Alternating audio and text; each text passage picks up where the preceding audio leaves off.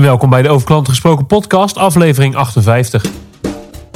Welkom bij Over Klanten Gesproken. De podcast voor de professional die dagelijks met klanten bezig is. Jouw wekelijkse dosis kennis, inspiratie en energie voor de volgende stap naar een betere klantbeleving. Met uw host, Sydney Brouwer.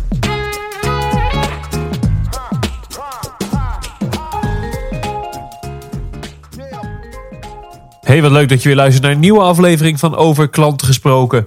En ook deze aflevering heb ik wel weer een bijzondere gast, moet ik zeggen. Want ehm, afgelopen donderdag mocht ik het CX in One Day event afsluiten.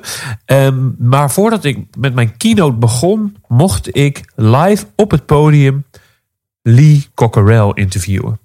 En wellicht zegt die naam wat, misschien ook wel helemaal niet. Maar Lee Cockerell is een van de grote namen binnen Disney. Hij heeft, veer, hij heeft tien jaar lang uh, leiding gegeven aan Disney, uh, Disney World Orlando. 40.000 man. Hij heeft het Leadership Institute opgericht binnen Disney. En ook voordat hij bij Disney kwam, heeft hij al jarenlang uh, gewerkt bij Hilton en Marriott. Dus dit is echt een man die ons kan vertellen over leiderschap in combinatie met klantbeleving. En ik vond het dan ook heel gaaf dat ik hem hierover mocht interviewen. En dat was in het Engels. Uh, en in de zaal zaten 300 mensen. Dus je hoort uh, af en toe uh, applaus, je hoort af en toe gelach. En aan het eind komen er ook nog vragen uit het publiek. Maar al met al denk ik een leuk interview voor jou om terug te luisteren. het kan zijn dat de eerste minuut ongeveer even wat anders klinkt. Want toen werd werd de audio nog niet helemaal op de juiste manier uh, opgenomen. Maar dat heb ik geprobeerd te fixen.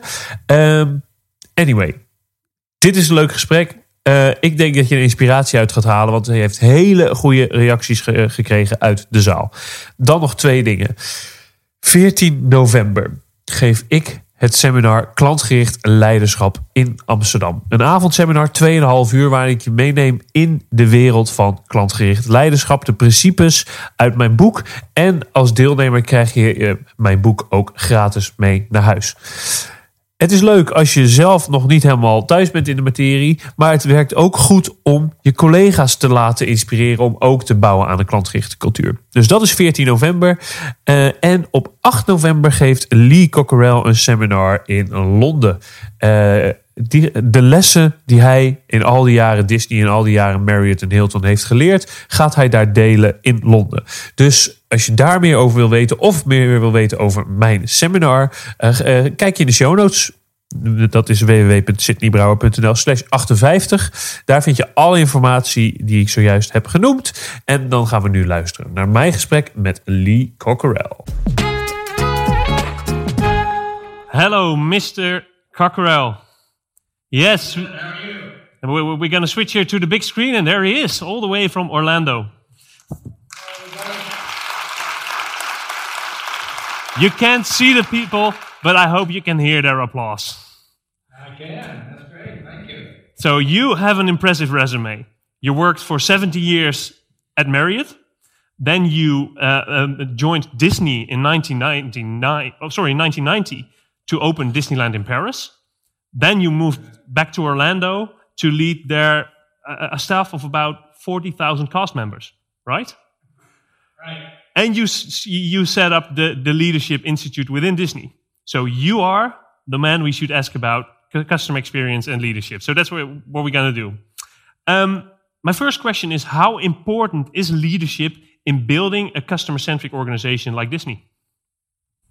I would tell you it's the only thing that matters if you don't get leadership uh, supporting that and from the top and they want to do it and they give you the resources and they keep the pressure on and uh, spirit of the company and uh, i would say there's nothing more important if you don't have that you probably won't you won't get there it's just uh, it's just that important it's like asking how important are parents to the development of their children All right, good, good, analogy. Thank you for that. Um, but yeah. we have a lot of customer experience professionals here in the room, and they're all using um, tools. They're all using customer journeys or uh, customer satisfaction reviews. But how can they engage their leadership to build a customer-centric culture? How? Because that is a question a lot of people here have. How can I convince my senior management that this is the thing? Well, I would say if the senior management doesn't already understand that, you might have a problem because at the end of the day, what's more important than taking care of your customers? I mean, we've tried everything else cost management, cutting costs, layoffs, uh, discounts. Uh, no, I mean, at the end of the day, I mean, you can try, maybe you can, uh, you can certainly try to convince them, but you should not have to convince them. I would say if you're working for a company that doesn't understand this, you might want to think about doing something else eventually. if this is because a lot of CEOs uh, they don't get it.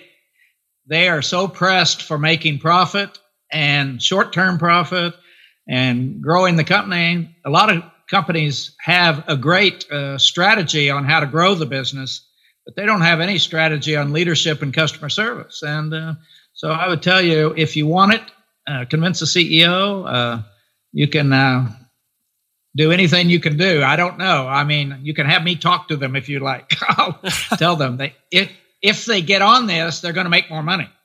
At the end of the day, there's nothing you do in business unless you're going to make more money.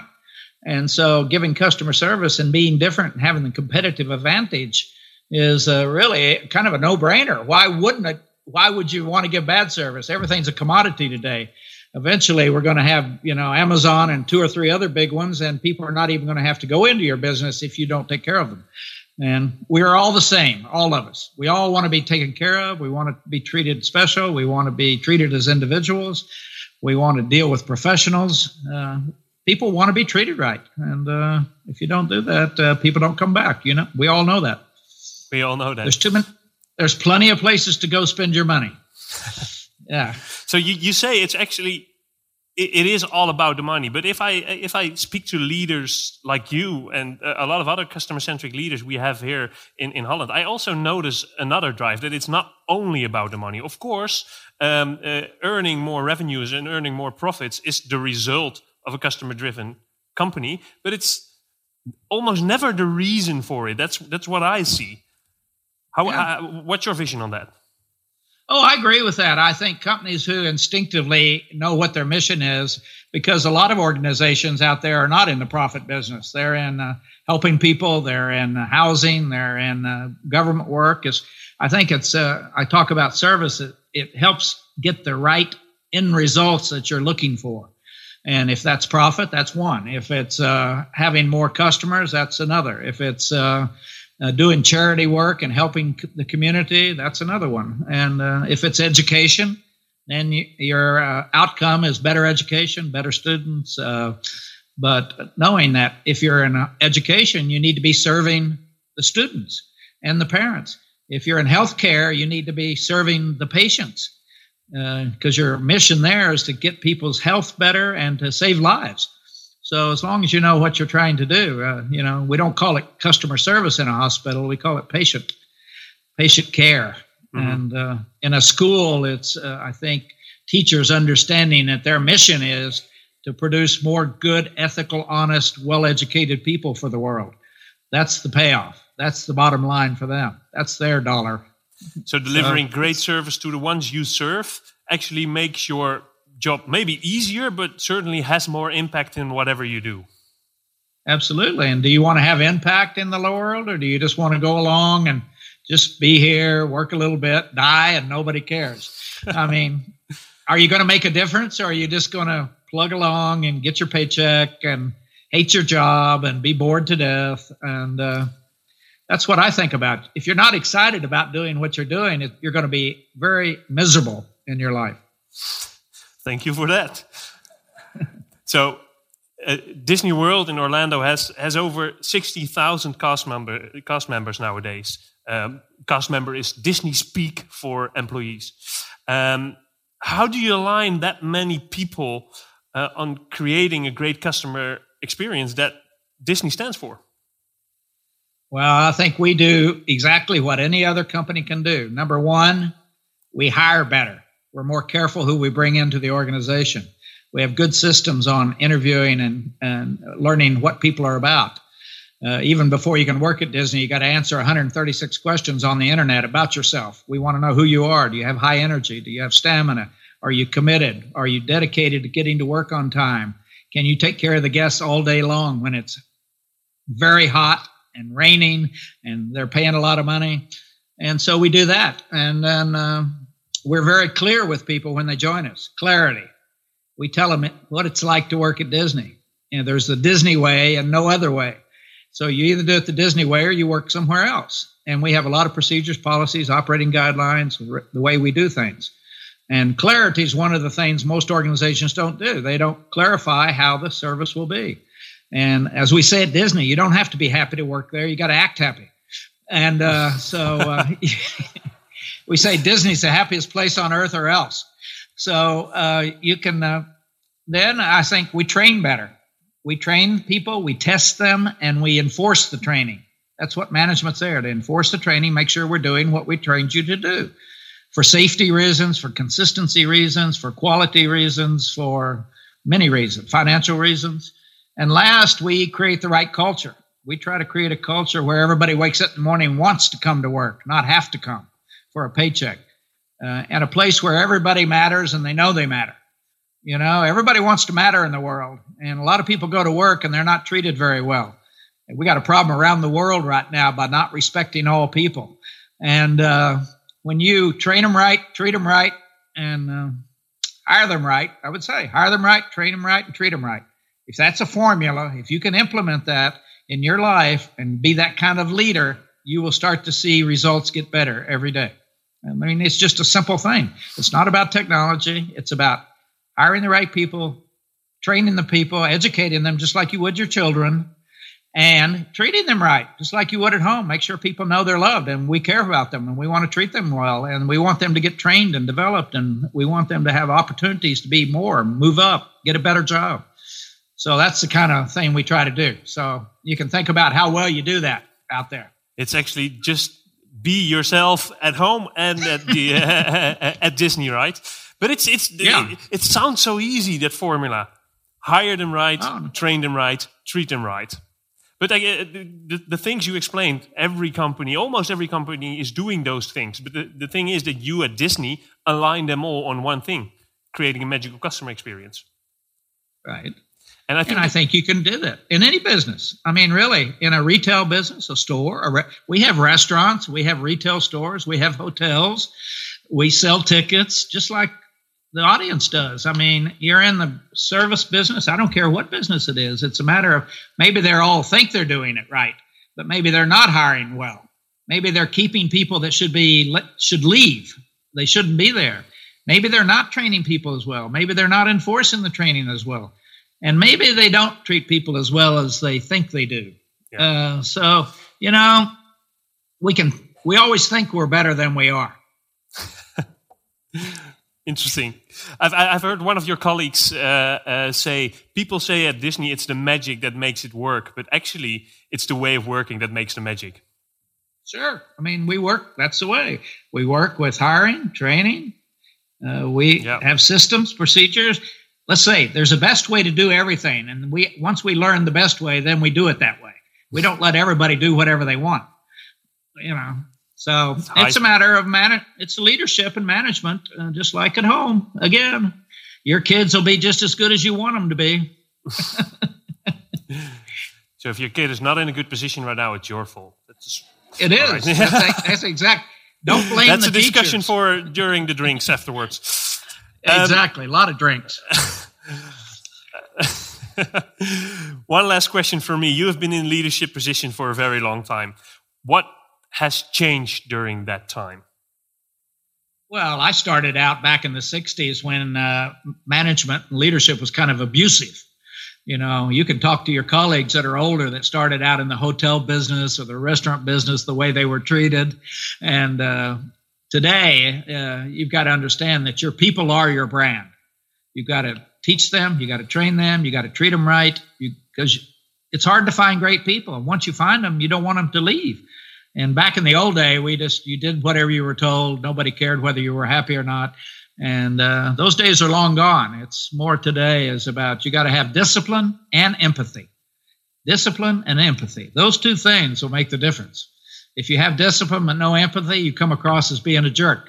If if you have empathy and no discipline, you're not going to your business is going to fall apart. So a balance, a balance, just like at home. You got to discipline your kids and you got to tell them you love them.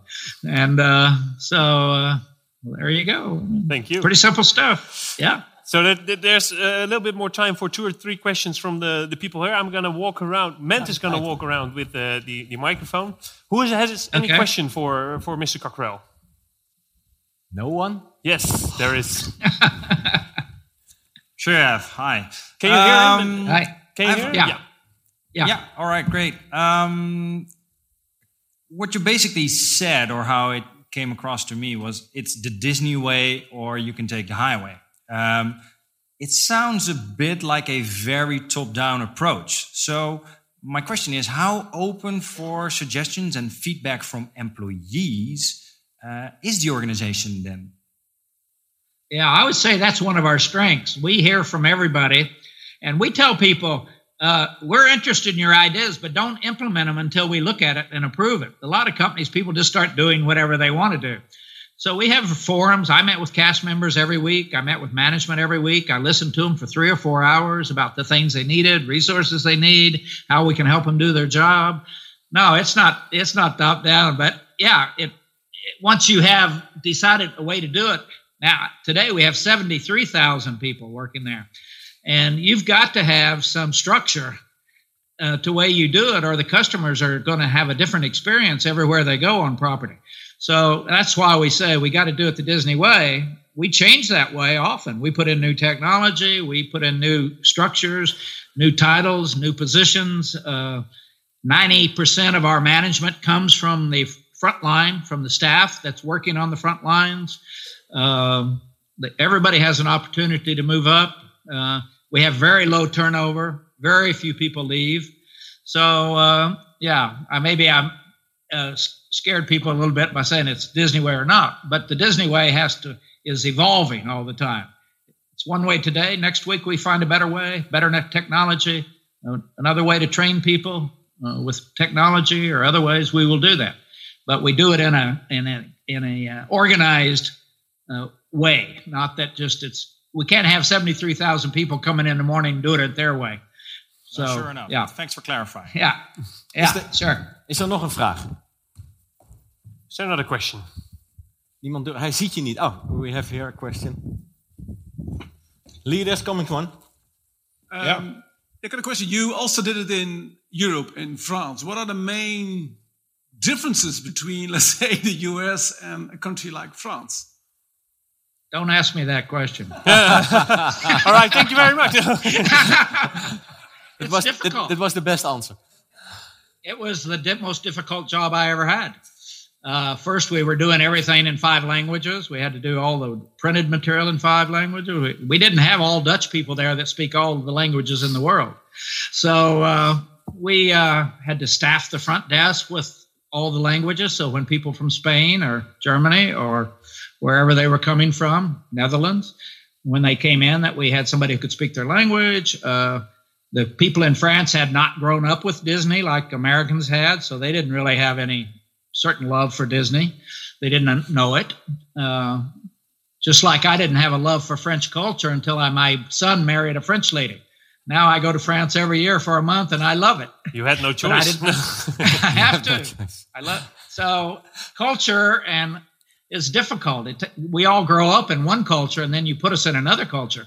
That's why I think everybody should work in another country. It helps you. It broadens you. It makes you have more uh, respect for people from everywhere. I said, you know, when I grew up, I'd never been anywhere. Now I've been to 44 countries in the world. I know people from everywhere. I think everybody can be great. I understand culture is difficult and it's sensitive, and you got to be careful. And we were not careful enough when we opened that. We told them they're going to eat American food. Well, the French are not really into American food. we we did not serve wine in the park. Well, that's a pretty big problem in France. and uh, so uh, we had to adapt, and we did a better job when we went to Hong Kong. We hired people from Hong Kong, trained them, and then let them run it because uh, the French, I think they like Americans, but they don't like America. So, uh, on an individual basis, people need to be managed and led by people who understand them. I think. I think culture is a huge deal, and it was difficult, and we lost money there for 25 years, probably a billion dollars or more.